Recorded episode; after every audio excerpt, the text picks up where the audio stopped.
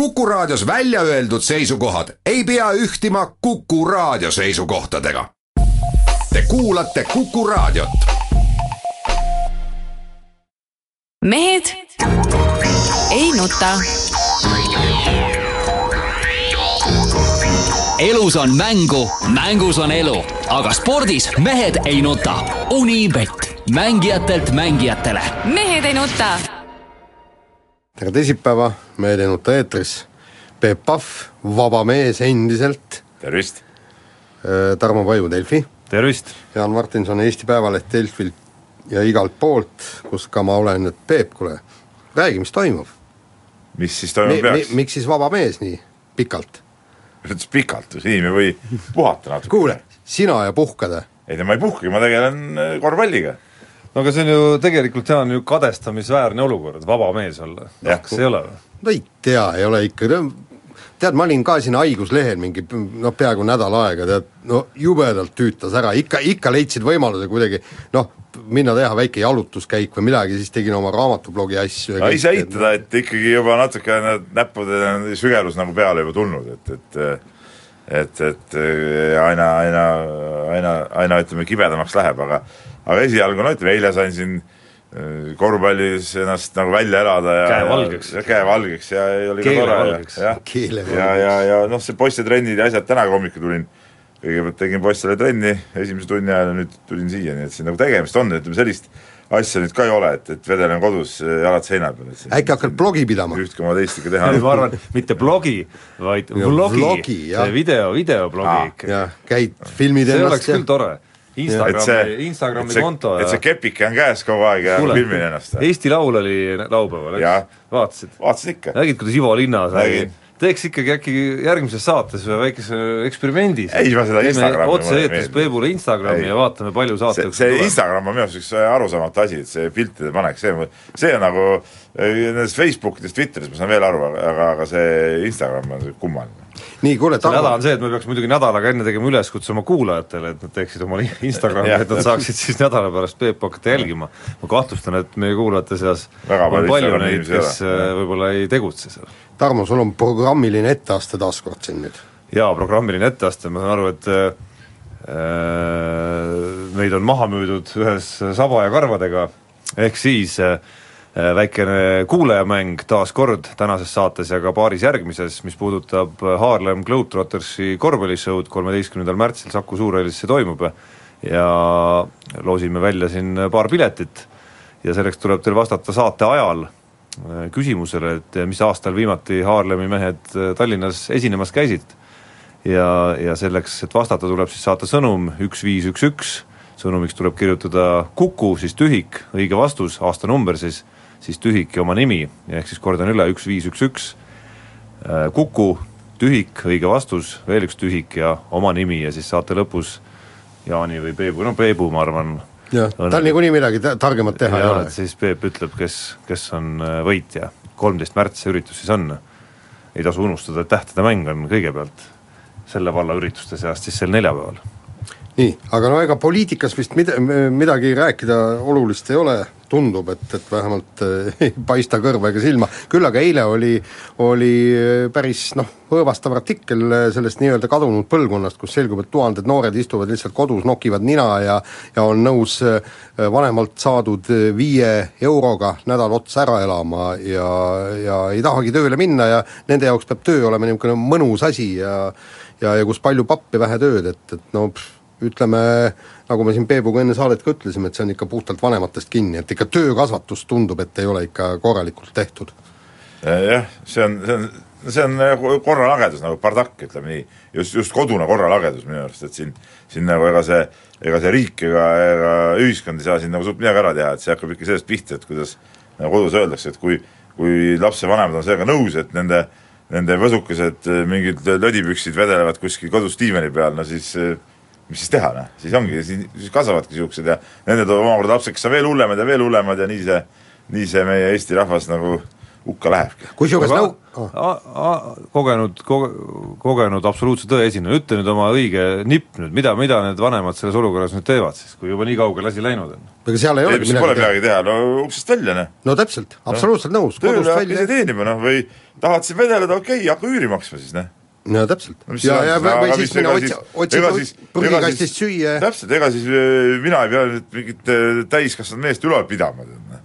okei okay,, seal mingi ülikoolid, värgid jah, aitame ära teha, eks ole, pärast peab ikka igaüks ise, ise hakkama saama. noh. just nii ta on., just. nii, aga räägime nüüd spordist ja noh, Peep tegigi nüüd äh, kommentaatori debüüdi, Tarmo ütles, et, et väga hea kaaskommentaator oli, oli isegi üht-teist ette valmistanud, aga noh, paraku äh, Kalev Cramo kaotas. Jah, Kalev Cramo ikka kaotas Nižni Novgorodile, et äh, noh, rääkige, mis seal mängus toimus ja kuida-, kuidas muide oli äh, vaadata niimoodi äh, klapid peas ja juttu ajada mängu kõrval? ei, väga tore oli, ma natuke ikkagi nagu jänese kontrolliks õhtul kodus veel vaatasin korra üle ka, kuidas kõlas. leidsin ka ühe asja, mis ma muidugi valesti tegin alguses, ma ei, millega oli raske harjuda, oli see, et kui järsku see eh, muusika nagu vakka jäi, siis ma hakkasin ise liiga vaikselt rääkima, seda oli ka eetris kuulda, et seal ja noh, ma, mul nagu tundus, et noh, et muidu ma räägin nagu liiga kõvasti, tead, aga noh, see kui, kui teinekord ka mingi võimalus avaneb või, või saab seda teha, siis nagu teab seda juba. no me seda, seda võime, otseselt ei tajunud niimoodi. võime oma kuulajatele öelda, et kindlasti tuleb veel neid võimalusi. nojah, aga, aga mäng, kui Jaan küsis mängu kohta, siis ega tegelikult eh, ütleme, see mängu eh, ohjad olid äh, algusest peale ju Nižni Novgorodi käes ja ja, ja see, et noh, okei okay,, see esimeses minutis noh, see ei ole nagu mingi näitaja, aga tervikuna nemad dikteerisid kogu seda mängu ja ja Kalev, ütleme paar korda seal tekkis niisugune murdevõimalus, aga, aga need eh, paar õrna võimalust ka suudeti kohe maha mängida ja seal ise pandi, eksiti või lasti endale kohe mingi kolmene asi vastu panna ja ja, ja, ja nii oligi, et ikkagi see Kalevi meeskond praegu sellisel kujul, kui näiteks Gregor Arbet on vigastatud, no ta on ikka liiga õhuke, noh, siin ei, siin ei ole, ei ole nagu, ei ole ka treeneritel nagu mingit käike, kui sa vaatad, siis siis kaheksa meest küll mängis, aga aga, aga kui vaadata ka pingilt tulnud meeste panust, nende pluss-miinust näiteks, siis see oli ikkagi totaalne miinus, mis sealt tuli. no ja need, mida sa nimetasid murdehetkeks veel, noh, see on veel hä- väga hästi No olid nii, no, kohta, need olid sellised õrnad hetked, kus kümne pealt saadi kusagile kolme peale Jah. vist parimal juhul või nelja või viie või kuue peale. sa korraks saad ikkagi see rutt nagu enda kätte. just, just, aga nendele tõesti järgnesid kohe kaitses mingisugused eksimused ja ja kui rünnakul viimasel ajal ikkagi ei ole väga suuri probleeme skoori tegemisega olnud, eriti pärast Rain Veidemanni esiletõusu ka nüüd sellel hooajal, mis mis vähemalt ühe mängu võrra jätkus siin, kui meil manitseti natukene siin pärast eelmist saadet, et ärge nüüd hõisake kahe mängu peale, siis õnneks, õnneks vähemalt see jätkus, aga aga noh, kaitse poole peal ket-, ketrasin ka mingeid olukordi natukene seal, meil üks lugejakiri oli ka Ja, ja seal, mis juhtis tähelepanu jah. seal mängu kokkuvõttes eelkõige meie tagameeste tegutsemisele kaitses, kuigi noh, need olid tegelikult needsamad olukorrad, kate-kattest olukorrad, kõik ma vaatasin üle, millest ülekandes sai palju palju räägitud. räägitud, kus äh, kõik hädad algavad sellest, et et nende pikkadega, kes meil on, ei anna mängida sellist noh, eriti agressiivset kaitset kate-kattest mängu vastu, ehk et nad ei tule sealt, nad ei ole võimelised sealt tagant väga kiiresti välja tulema ja siis tagasi korvi alla suunduma. teine asi, teine nüanss on muidugi see, et ka meie tagamehed ise nagu ikkagi noh, nii kogenud mängijad, nagu seal ütleme, Veidemann ja Sokk ja need on, no ei tohiks sellesse kattesse muidugi nii kinni nüüd ka jääda, eks ole, seal on ju ju kõik nõksud ju olemas, kuidas pead sealt mööda, sa tead ju, et see kate tuleb, Aga noh- sa jääd sinna sisse, sisse nii kinni, siis ongi juba ju põhimõtteliselt vastasel ülekaal käes, eks sellest ju piisab, tead, et tõde, tõde on ka, on ka see, mida tuleb ilmselt tõdeda, et eh, ega selle aasta Kalev Cramos väga häid kaitsemängijaid nüüd jalaga segada ei ole, ma mõtlen juba individuaalses plaanis. et eh, pigem on seal selliseid keskmisi ja mõned veel, mille pealt, kelle pealt pigem nagu käriseb et äh, okei okay,, Gladness on võib-olla kõva kulbimees, aga ta ongi ainult nende kulpide peal korvi all seal väljas, mitte selle peale, et, et kaitse nagu tervikuna hästi toimiks ja pigem ta laseb mõnikord vastasel mingid asjad ära teha selle nimel, et saaks selle kulbi endale kirja seal, mulle tundub vähemalt niimoodi. et ta, et ta natukene avantüristlik on ses mõttes. jah, ei seda kindlasti ja, ja, ja tagameestes samamoodi, et noh, noh, kogu nii-öelda kiituse juures, et ega Veidemann või Haarper nüüd mingid nagu kaitsekurud ju ei ole. no ei ole ja, ja Ja noh, Soku pealt pigem hoopis Sokk seda enam, eks ole, et noh, nii nagu eile oli näha, need olukorrad kohe ikkagi kasutati ära, kui Sokk oli mängus vastastel, ütleme niisuguseid lühikeseid mehi üldse polnudki, kõik va-, mängijad, kelle vastu Sokk mängis, olid tast peaaegu pikemad ja ja kui ta jääb ise ka nii passiivseks sinna selja taha, no siis ei olegi midagi parata, no siis siis sealt tulevad ja kui, kui nad ütleme esimeste, Soku esimese vahetuse ajaks seda kasutatud, aga järgmiste vahetuste kasutati need kohe ära, need olukorrad ütleme, Martin Torbek eile ei saanud väljakul, tema tõesti kaitses on hea. et ma saan aru, et siin on ka mingid vigastused olnud, aga ja no see on samas jälle proovimise koht. rünnaku arsenal on jälle teistpidi jälle, jälle võib-olla natuke tagasihoidlik, kuigi tegelikult kui ta, kui ta tahab, siis ta võib rünnakul ka mängida, aga, aga ta nagu, ta nagu ei taha kuidagi see välja tulla. nii, kas teeme vahepeal reklaamipausi vist no,? no nii on ette nähtud, jah. mehed ei nuta elus on mängu, mängus on elu, aga spordis mehed ei nuta. Unibet, mängijatelt mängijatele. mehed ei nuta. jätkame kiire vahemänguga ja Kelly Sildaru särab endiselt, täna siis toimub Laureuse auhinnagala, et äh, ta on sinna esitatud siis nii-öelda ekstreemspordi äh, Äh, ühe nominendina, aga vahepeal toimusid ka Eesti meistrivõistlused ja siis neljateistaastane Kelly Sildaru võitis pargisõidus, nagu ma sain aru, Eesti meistritiitli ka meeste arvestuses, et mis tegelikult näitab, et ega sellel kala, äh, sellel alal Eestis erilist kandepinda paraku ei ole. sellel alal ei saagi olla Eestis erilist kandepinda, sest Eestis ei ole niisuguseid äh, radasidki, kus tegelikult normaalselt seda ala saaks harrastada, et, et Kelly Sildaru käib ja koos oma venna Henriga käivad ju kogu aeg ikkagi nagu välismaal, ütleme, neid päris radasid sõitmas, et siin siin Munamäel ja see on ikka niisugune nagu tilulilu, et siin võib-olla üks see reil ja, ja üks hüpe ja, ja ongi kõik, eks ole, et, et noh, et paratamatult tase jääbki sinna taha kinni. et see oli no pisut, kusjuures isegi noh, ma saan aru, siin pealkirja maagiaga on vaja ikka vaeva näha, aga see, et seda hirmsasti nüüd nagu pritsiti vahtu seda, et ta nüüd äh, noormehi ja mehi seal võitis, noh, seal ju mingisugust üllatusmomenti tegelikult ei olnud, selle oleks võinud ette kõik juba maha kuulutada seal aga, aga ikka oli vaja seal veel nagu nii-öelda võtta viimast jaa, aga eks ta, eks ta ikkagi natukene noh, ma ei ütleks, et kummaline, aga ikka eripärane nagu selle alaga ei tegeldagi on. Eestis ju tõsiselt, see, see ongi arusaadav ju. Kelly Sildaru on lihtsalt noh, nii erandlik kui üldse võimalik. no paraku nii ta on, jah nii, aga väga erandlik mees on ka järgmine mees, tõsi, hoopis teisest äärmusest kui neljateistkümneaastane Kelly Sildaru, kes vist juba kas kaheksaselt käis juba mööda maailma treenimas selleks, et öö, oma alal mingi läbilöök saavutada no, oli vist kusagil seal no juba. kaheksaselt tulid esimesed videod, aga tegelikult juba mingi viieselt, kuueselt ta juba käis siin Soomes ja Rootsis. just, just, aga see teine mees on siis neljakümne kolme aastane ja selle teise mehe nimi on Ole-Einar Björndalen,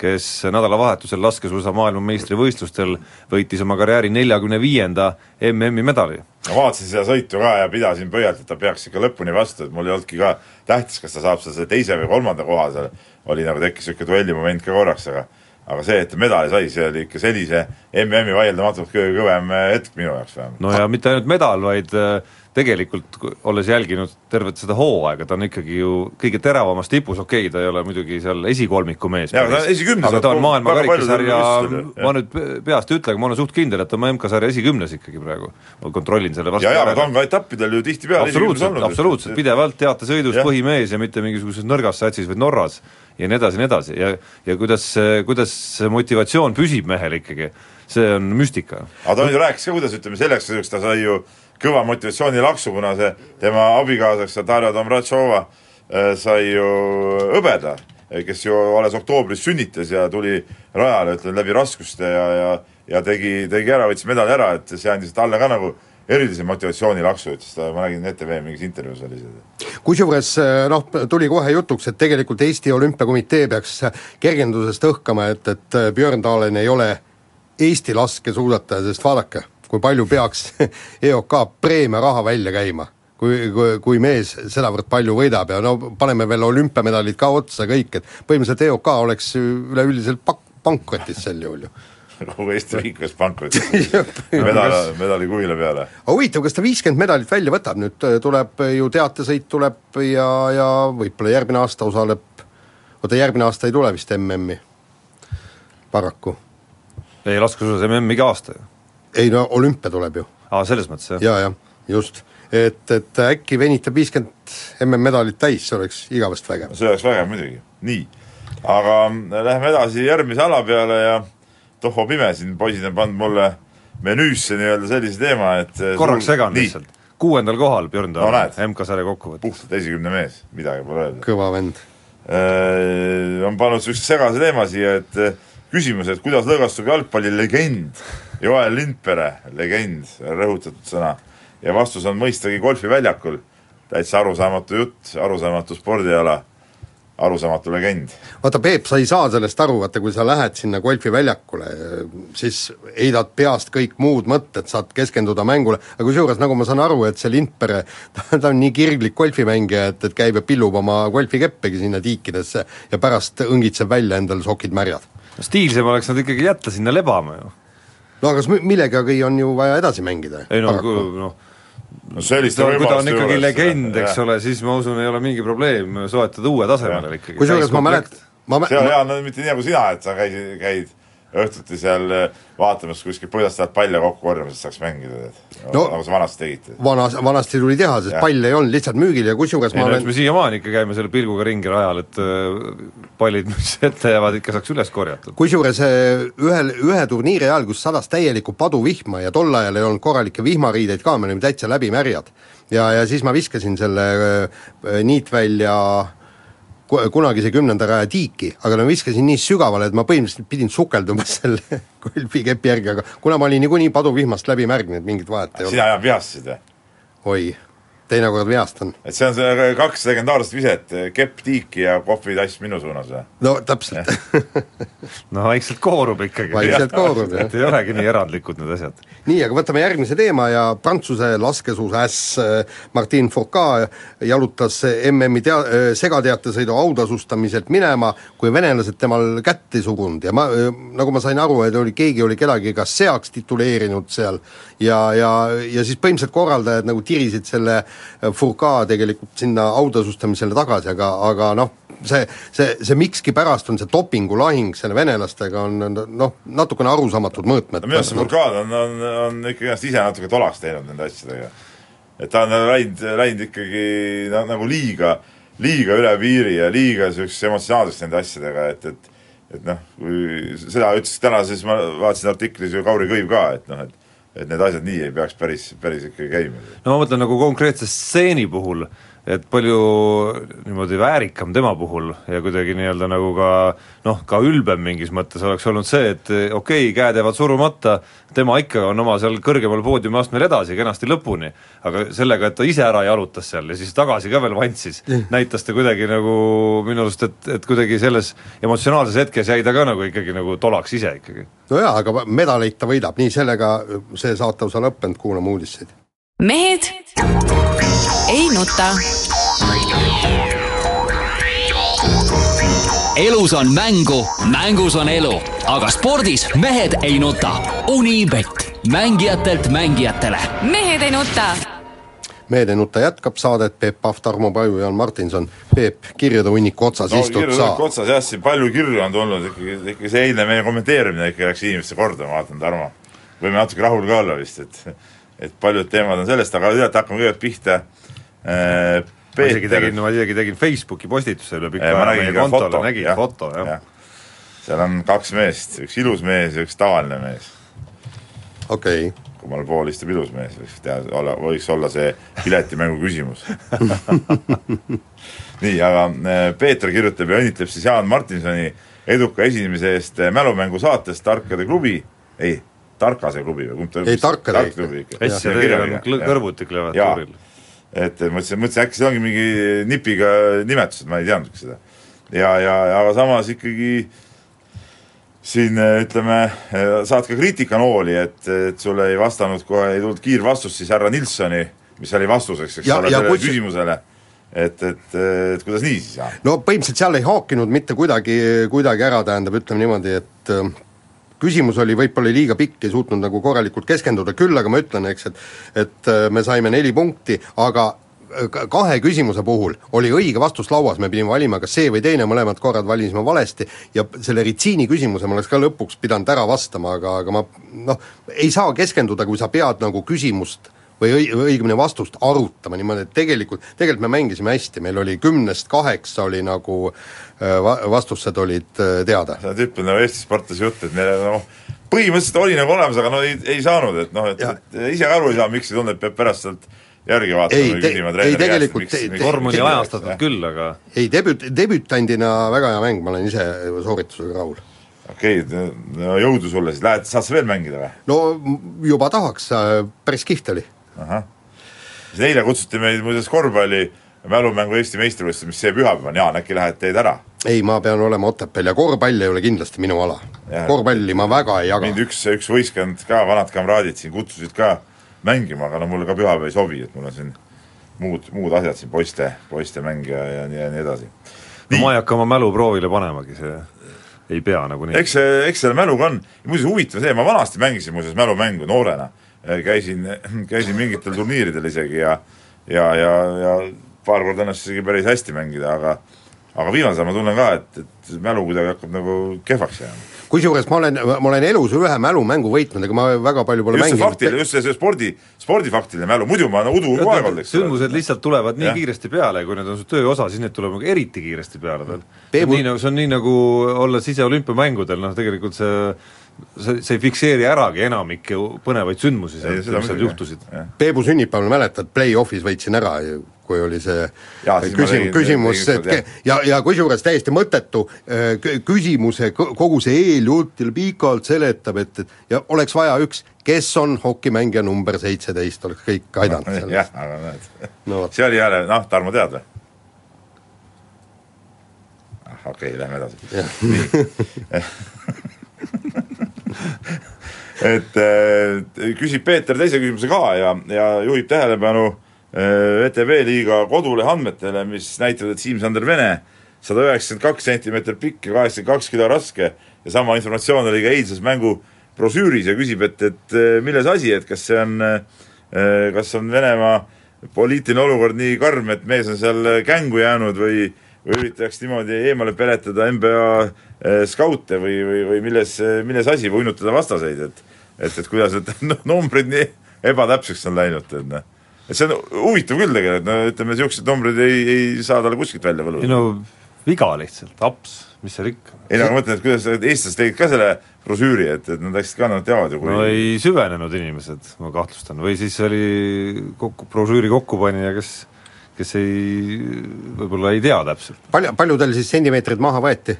viis? no ta oli kahe meetri ikka üle kahe meetri. jah, ja noh, no natukene seal kaks, null, üks. ja midagi niisugust ja, ja noh, ja tal ikka raami on ka natuke peal, et ta nii, nii, nii kerge mees ka ei ole, et seda seda ka eilses mängus muuseas tuli ju välja paar korda, kui talle ikka nii-öelda pukki mängiti, siis ta näiteks selle Erik Keeduse pühkis sealt eh, ikkagi eest ära oma vana kamraadi rahulikult, et eh, suutis ennast korvi alla suruda. No siis ülejäänud kirjad siin ongi jah, selle korvpalli peale, et siin ühe asja tooksin välja, et siin, et kutsuge ikka Jaan ka stuudiosse, et ta saaks küsida häid küsimusi nagu Riias, et kui mäng ei lähe, võiks see meeskonna mõnusalt käima tõmmata. selle asja peaks kõik ära tegema ükskord. et, et intervjuude peale läheb intervjuude Jaan. peale Jaan, jah. ja ei, põhimõtteliselt sealt võiks olla niimoodi näiteks, kui keegi tuleb Sealt kehvasti ei, kui, kui kehvasti mänginud mängija tuleb vahetusmängijate pingile, siis mul on õigus kohe niimoodi jah. küsida sealt. vot see oleks, see oleks tase, see oleks kõva asi, et jah, seesama Vitali Ljutitš eile tuli pingile, sai sõimata sealt Varraka käest tükk aega, viskas vid- pudeli vihaselt veel põrandale ja vot siis just sel Ja- hetkel ja siis Jaan peaks Jaan pistma oma mikrofoni, et no mis sa seal kaitses nüüd tegid ikkagi, ei saa siis aru või? jah, ei oska, ei taha või ei oska või milles, milles viga on. ei taha, ei viitsi või ei oska. jah, täpselt. nii, aga lähme teemade juurde, meil teemasid jäi tegelikult seal eelmisest korrast üle, et, et las need kirjad nüüd olla praegu.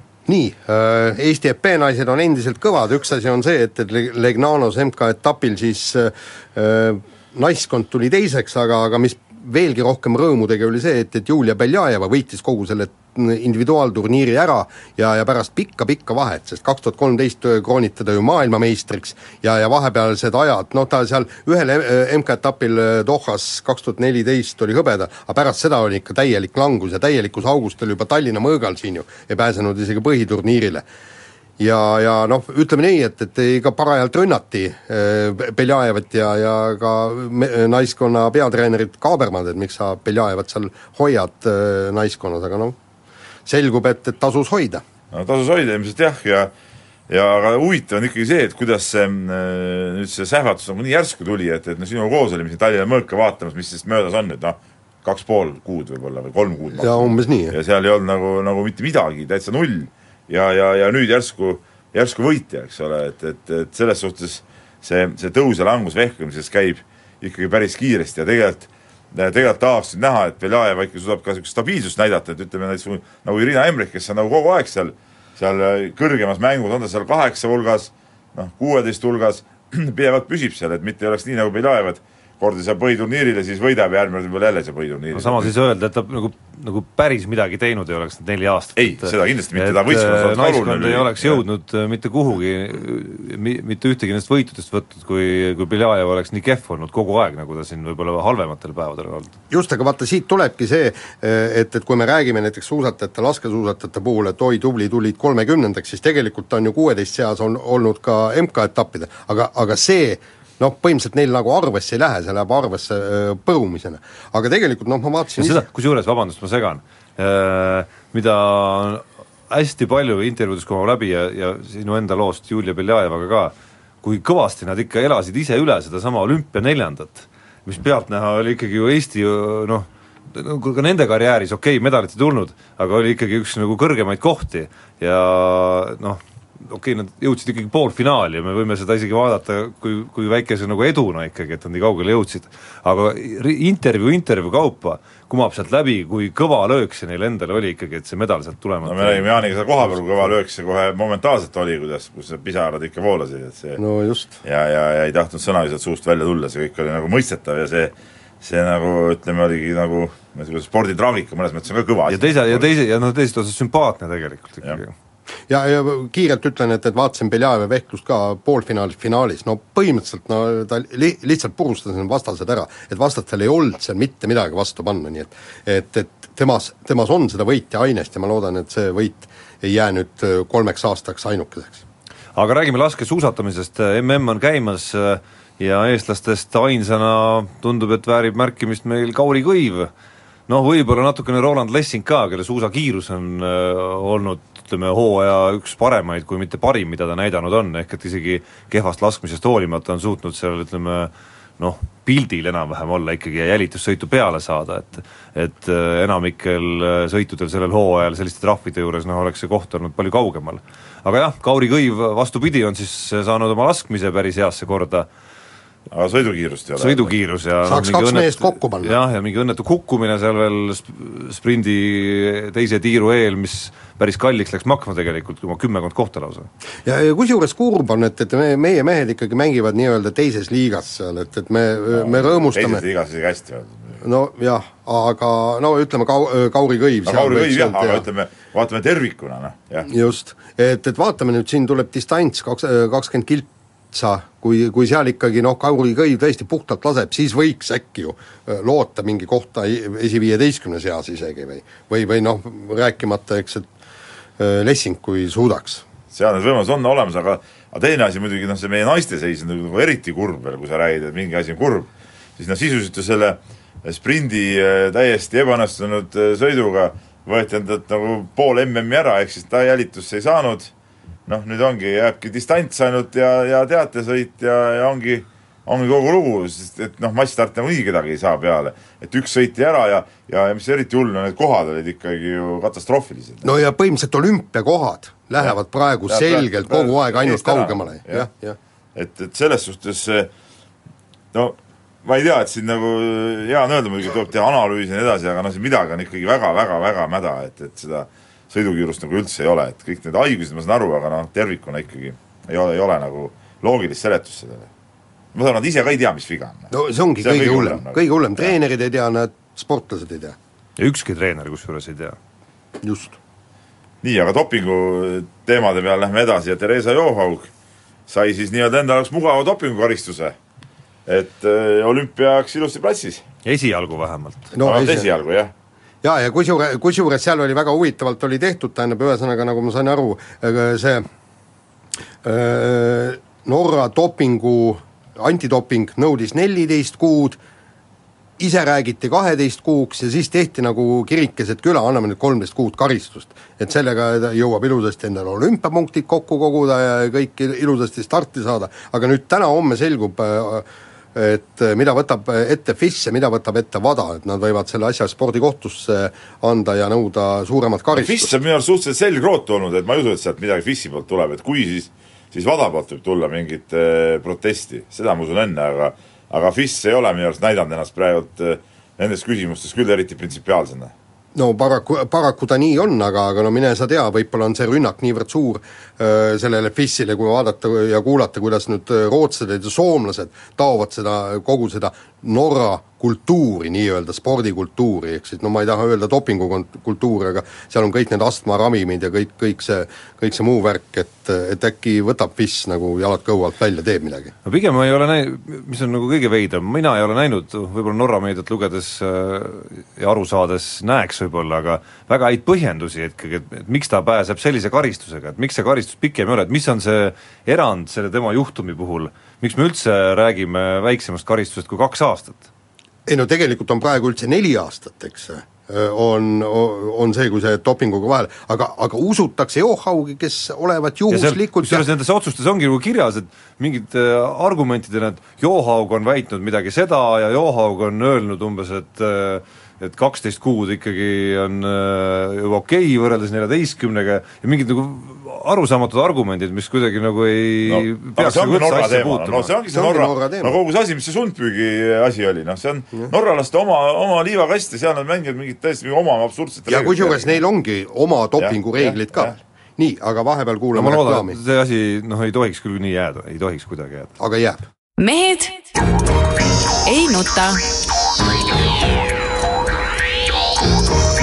Elus on mängu, mängus on elu, aga spordis mehed ei nuta. Unibet, mängijatelt mängijatele mehed ei nuta. viimane saate osa ja Tarmo, kiirelt jaga nüüd see auhind ära, meil, meil aega ei ole. Haarlemi korvpallishow piletid, öelge number ühest ütleb, paneme kolmteist seekord siis. ja Tarmo saab selle auhinna. Võtsid endale või? et seal oli kaksteist õiget vastust ja panid enda sinna juurde või? just. kusjuures ta on helistanud, on saatnud oma sõnumi täpselt kümme kolmteist ka kusjuures, null kolm sekundit veel otsa. ehk siis õige vastus oli, et Haarlemi mehed käisid kaks tuhat kaks siin, aga nüüd läheme järgmiste teemade juurde. Kaks piletit on siis Tarmo sind ootamas, Kuku raadio võtab sinuga ühendust. nii, ja, ja räägime rallist, Rootsi rallist ja Ott Tänakust, teine koht, hurraa, esimene koht, Jari-Mati Latvala samuti hurraa, aga mis ko- kogu selle asja juures äh, tõesti noh, mulle võib-olla kõige rohkem rõõmu teeb, on see, kuidas Ott ikkagi Sebastian Ogieri paika pani. noh, paika pani No no,, pa- see on ei. jälle siuke Jaani siuke, Ei, ta ei- ole- ülevoolav väljend, aga, ei ole, aga selge see, et ta oli selle aga sa ju ootasidki Jaa,, me kõik ootasime, et ta võidab. Ožeeri sellel rallil. ta oli sellel rallil äh, Oseerist parem, see on, see on nagu selge, et, et see ongi võib-olla äh, selle ralli kontekstis nagu kõige olulisem äh, punkt, eks ole, et tal õnnestus õnnestus äh, nii kõvat meest edestada oma tiimikaaslast, eks ole, kes on, keda peetakse ikkagi nagu noh, ikkagi number üheks maailmas ja ta ongi number üks maailmas ikkagi. et, et, et see oli, see oli kõige kõvem asi, ütleme siin muud, muud nüansid võib-olla noh, et tegelikult ju noh, võib-olla see auto ei töötanud kõige paremini siin, eriti viimasel päeval tuli, tuli see asi välja, noh tegelikult on ju ka selge, et näiteks Hyundai Neuvilli eh, ka eesotsas, eks ole, oli, oli ju ka kiirem ja, ja, ja see vahe oli ju päris suur. et, et, et eh, võib-olla siin nagu iseenesest nagu päris eh, sada, sada kümme protsenti näpud püsti ei ole võib-olla tiimil endal, noh koht muidugi on hea ja see kõik on nagu timm, aga aga eks nad vaatavad neid asju ka nagu laiemalt natuke, et et aga, aga tervikuna muidugi ütleme, seis kahe esimese etapi järel on meie jaoks ikkagi nagu suurepärane. no nüüd on kaks rallit järjest ikkagi, Neville on ju seda pilti parandanud siiski, et äh, lõppseis tundub ilusam võib-olla kui tegelikult oli nende vahekorras mõlemal senisel rallil. aga üks väike tõrvatilk minu arust, mida millest kuidagi vaadatakse minu arust natukene selle hurraa taustal üle, on ikkagi see viimase katse väike apsakas Just, seal, olen Tarmoga nõus. see on küll tegelikult noh, see on nüüd üks apsakas ja üks äh, super stage, eks. et siin ei ole mõtet nüüd väga nagu suureks loomulikult ka puhuda seda, et Monte Carlo äh, see viimane, viimase etapi punktid läksid ikkagi puhtalt ju tehnilistel põhjustel Oti käest ära, aga ütleme kokkuvõttes ega kui me üldarvestusest räägime, siis need on väga valusad punktid praeguse tabeli juures. et kokkuvõttes Ogier sai temast punkte rohkem ikkagi. no minu arust see, selle hooaja süsteem, kus see Super Stage annab rohkem punkte kui varem, on natuke ebaõiglane, et see, see on nagu totter tegelikult, et see, see nende osakaal on nagu liiga suur, ma saan aru sellest põhimõtteliselt, miks see on tehtud, eks ole, et seal nendele ka vendadele, kes võib-olla on katkestanud no üks asi on nendele, üks asi on need vennad, teine asi on, et ikkagi See põnevus et, nagu mingi tele, teleala Jah, ka rallist ükskord saaks ja me näeme kas või kodumaal, et see lõpuks on kuidagimoodi saamas. jaa, aga nagu ta ei ole nagu, nagu selle ralli loomuse mõttes ta ei ole nagu õiglane tegelikult, noh. sest ralli mõte on ikkagi ju see, et sa paned läbi kolme või läbi nelja päeva isegi siin eh, paned neid kõiki katseid ja jõuad esimesena finišis või teise-kolmandana ja siis, kui mingi vend on sinust tagapool, aga selle Superstage'i võidab ja on tegelikult punktidest eespool, siis see ei ole nagu loogiline tegelikult. ma olen Pe- Peebuga nõus ja aga, aga Tarmoga ka selles mõttes nõus, et, et et kui me kuul-, kuulasime Oti intervjuusid pärast, pärast seda rallit, siis, siis, siis mulle tundub, et, et ta, ta, ta ise ei, ei julge mõelda veel sellele, et ta võitleb tegelikult MM-tiitli pärast, sellepärast et noh, ta ütles, et jah, näed, kahjuks läksid need punktid, aga me ikkagi teine koht ja Saime head punktid. ja saime head punktid ja kõik, eks, aga tegelikult võib-olla tõesti need, need kolm-neli punkti, mis tal saamata jäi, et need on üks üliväärtuslikud lõppkokkuvõtte suhtes, aga, aga no selge, selge see, et et, et see on esimene aasta, kui ta tõesti seda MM-i kokkuvõttes poodiumi kohta jahib. aga selge see, et tal ei olnud põhjust ka väga nukrustada Ei, kindlasti mitte, kindlasti tulemusel, mitte. seepärast ta ka nii ütles, noh et, et ega ta ise ilm, ilmselt oma peas ikkagi saab aru,